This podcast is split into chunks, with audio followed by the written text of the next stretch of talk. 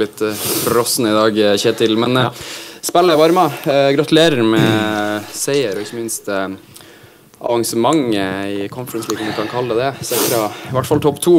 Hva tenker ja. du etter kampen?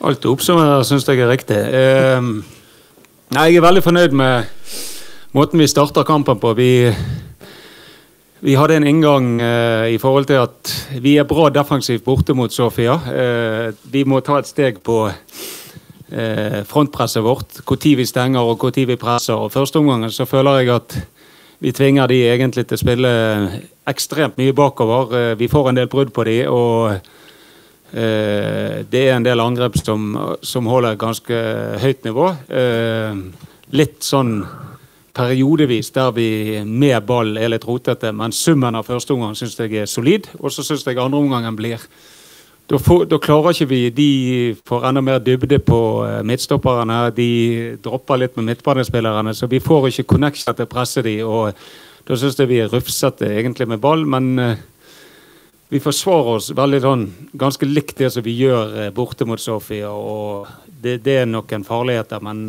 jeg føler stort sett vi kontrollerer det. og Så får vi en, en overgang som vi burde hatt mange flere av, for rommet bak de er så enormt.